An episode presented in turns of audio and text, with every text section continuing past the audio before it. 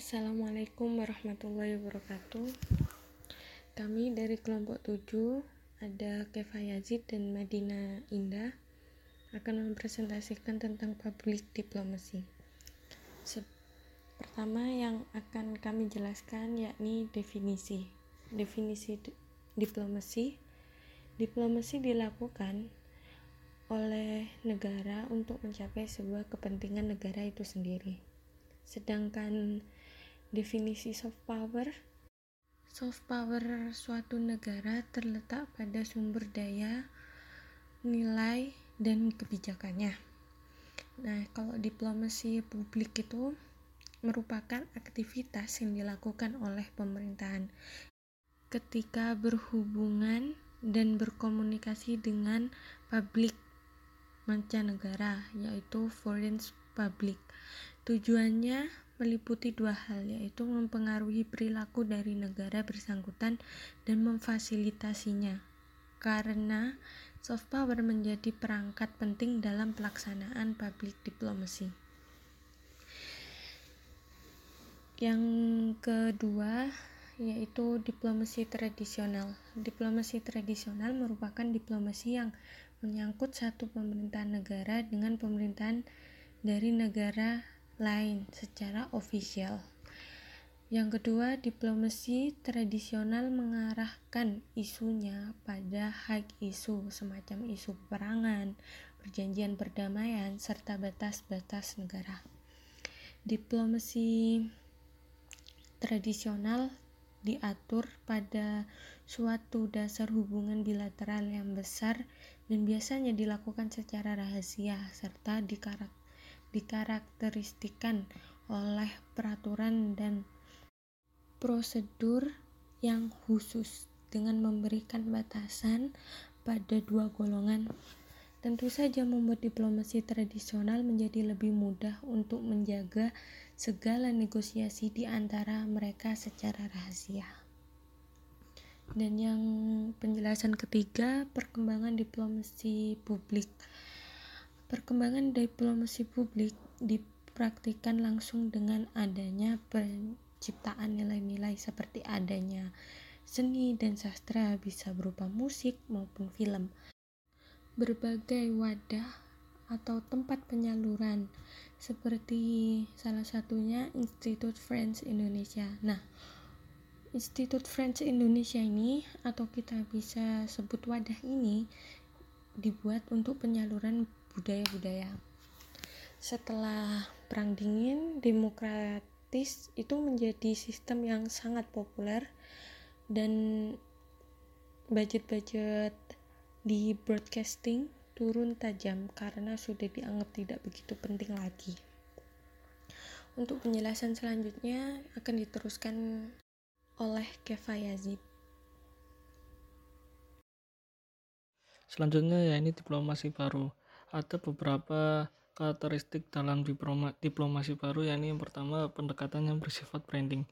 Diplomasi publik baru bukan lagi semata-mata merupakan penyebaran informasi yang disaring untuk kepentingan nasional sebuah negara kepada publik asing. Diplomasi publik baru juga mencakup pertukaran informasi, kolaborasi, serta dialog hubungan aktor-aktor lainnya. Lalu yang kedua yakni hubungan interaktif dan pembangunan hubungan. diplomasi publik baru merupakan hubungan keterlibatan dengan publik asing. Berbeda dengan diplomasi publik tradisional yang lebih mengacu pada hubungan satu arah dari pemerintah satu, suatu negara ke publik asing. Dalam diplomasi publik baru terdapat komunikasi dengan publik asing sehingga terbangun hubungan antar aktor diplomasi publik baru. Yang ketiga yakni branding yang ditujukan pada masa yang besar, bukan pada er, para elit politik atau pembuat kebijakan. Tujuan dari diplomasi publik yakni untuk mempengaruhi opini publik asing yang kemudian dapat mempengaruhi kebijakan negara tersebut untuk sejalan dengan kepentingan negara yang melakukan diplomasi itu sendiri. Selan selanjutnya yakni publik berperan sebagai aktor aktif bukan bukan sebagai objek lagi Dalam diplomasi tradisional, publik asing hanya merupakan objek dari praktik diplomasi publik yang dilakukan oleh sebuah negara. Hal ini berbeda dengan diplomasi publik baru yang juga melibatkan publik asing dalam proses diplomasi publik sehingga dalam hal ini publik asing tidak lagi menjadi objek tapi sebagai aktor aktif dalam praktik diplomasi. Yakni selanjutnya yakni mekanisme transmisi informasi yang bersifat real time. Kemunculan teknologi internet memungkinkan interaksi yang terjadi dalam diplomasi baru bersifat real time.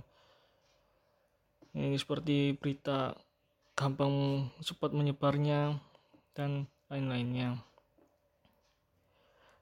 Di slide selanjutnya ya ini ada perbedaan antara diplom diplomasi lama dengan diplomasi baru.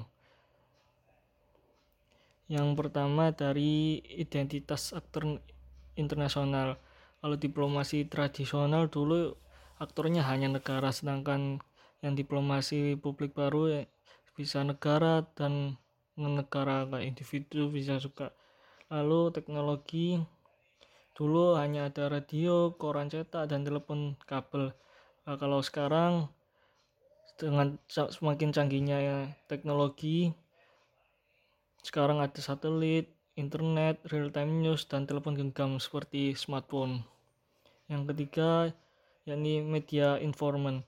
Terdapat yang sedang kalau diplomasi tradisional itu terdapat batasan jelas antara informasi atau berita dengan lingkup domestik dan dengan lingkup internasional. Sedangkan diplomasi baru tidak ada batasan no boundaries jelas antara informasi atau berita dengan lingkup domestik dan dengan lingkup internasional. Kalau sumber pendekatannya yakni perkembangan dari advokasi politik dan teori propaganda. Lalu diplomasi baru yakni perkembangan dari corporate branding dan pembangunan hubungan. Kalau terminologi sendiri ya ini ada dulu mementingkan citra internasional dan prestis, sedangkan kalau diplomasi publik ya ini yang dipentingkan soft power dan nas branding nas negaranya. Kalau struktur perannya di diplomasi tradisional ya ini top down dari aktor ke masyarakat asing. Sedangkan kalau diplomasi baru atau diplomasi publik horizontal yang difasilitasi oleh aktor. Lalu sifat dari peran ya ini pesan yang ditargetkan. Kalau diplomasi diplomasi baru ya ini pembangunan hubungan. Selanjutnya ada tiga dimensi publik, tiga dimensi diplomasi publik. Yang pertama sebagai komunikasi strategi. Oh, sorry, yang pertama ini komunikasi sehari-hari atau daily communication Dimensi pertama ini menjelaskan bahwa dalam sebuah kebijakan di suatu negara, baik dalam maupun luar negeri, membutuhkan peran media untuk menyampaikan hasil keputusan yang telah dibuat kepada masyarakat lokal maupun internasional. Nah, melalui media komunikasi hari, sehari-hari ini yang telah terjadi antara aktor diplomasi publik dengan masyarakat lokal dan internasional, maka akan membuka jalan dalam pendistribusian sebagai berbagai informasi. Media yang digunakan sebagai diplomasi publik dapat berupa media cetak, seperti surat kabar, majalah, yang memberikan tentang kegiatan-kegiatan yang akan dilaksanakan sehingga informasi-informasinya dapat lebih diketahui oleh masyarakat lokal maupun internasional secara luas. Nah, tentunya di diplomasi publiknya ini sekarang semakin canggih bisa melalui media elektronik seperti televisi, internet. Jadi eh, hal ini juga bisa dilaksanakan oleh masyarakat umum dan bersifat publik. Nah, yang kedua ini komunikasi strategis. Dimensi yang kedua ya ini memiliki kaitan dengan pelaksanaan promosi melalui iklan-iklan dengan tema tertentu untuk meningkatkan strategi guna mendapat respon positif dari masyarakat lokal dan internasional. Dalam dimensi ini, Komunikasi strategi dapat diterapkan guna memperbaiki persepsi buruk dari negara-negara lain sebelumnya pada satu negara menjadi arah yang lebih baik. Komunikasi strategi dengan diplomasi merupakan suatu hubungan yang berhubungan terhadap promosi yang dilakukan dalam membentuk citra maupun image sebuah negara sehingga pemerintah dapat menentukan tema-tema khususnya untuk menggambarkan kebijakan tersebut. Dalam hal ini, eh, kebijakan yang telah diputuskan guna melakukan kampanye kebijakan kebijakan dapat secara simbiolis. Yang yang terakhir ya ini pembangunan hubungan jangka panjang. Uh, esensi dimensi ini berkaitan dengan tujuan diplomasi publik yang pada umumnya dirancang untuk mendorong hubungan jangka panjang dengan suatu negara.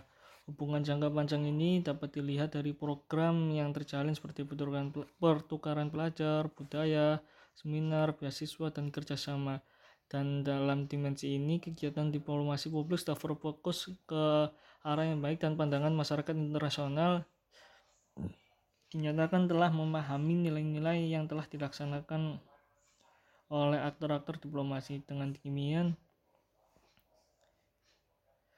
keinginan serta keterkaitan dapat berjalan dengan baik sehingga melalui kegiatan diplomasi publik tersebut masyarakat internasional memiliki kepercayaan terhadap pesan yang didapat melalui melalui pelaksanaan diplomasi diplomasi publik yang dilakukan oleh pemerintah. Nah, si slide selanjutnya ada contoh salah satu salah satu dimensi publik pembangunan hubungan jangka panjang ini sister city antara Liverpool dengan Surabaya pada tahun 2017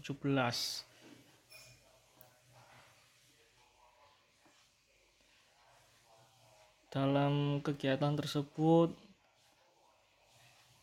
eh, Liverpool dan Surabaya saling bekerja sama di bidang pelabuhan dan manajemen maritim ekonomi, sumber daya manusia, dan pembangunan kapasitas smart city dan industri kreatif antara Liverpool dan Surabaya. Yang terakhir ya ini ISIS. ISIS e, menggunakan diplomasi publik untuk menebar teror, menakuti musuhnya dan berusaha untuk merekrut anggota baru untuk bergabung ISIS. ISIS juga menggunakan virtual state sebab de facto secara de facto ISIS tidak memiliki wilayah dan tidak memiliki status hukum. ISIS Kenapa ISIS bisa berkembang begitu pesat? Karena ISIS menjual ideologinya. Dan ISIS juga menggunakan strategi Twitter Twitter Storm is Twitter Storm untuk melakukan uh, Twitter Twitter Storm seperti uh, banyaknya Twitter tentang ISIS yang sampai menjadi trending jika Twitter mati satu maka seribu Twitter akan tumbuh biasanya Twitter storm di ISIS itu seperti gitu. Dan tweet dan ISIS juga melaku, sering melakukan pembunuhan secara langsung. Seperti raport yang tahun-tahun kemarin reporter dibunuh sehingga dapat menciptakan ketakutan dan tentunya dari pembunuhan itu dapat mempromosikan dan atau legitimasi orang-orang agar bergabung di ISIS. Selain itu, ISIS juga menciptakan brand terorisme baru.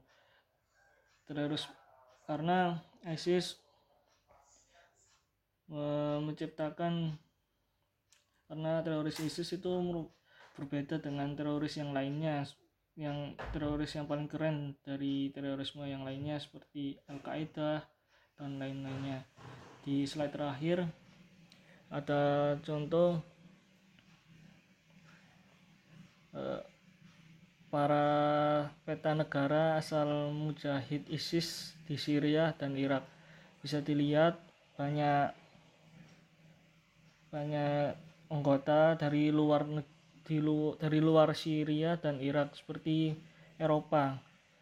Di Eropa sendiri yang paling banyak ikut bergabung yakni Prancis eh, Prancis dan UK ya sekian dari kelompok kami. Mohon maaf bila ada kesalahan atau kekurangan. Wassalamualaikum warahmatullahi wabarakatuh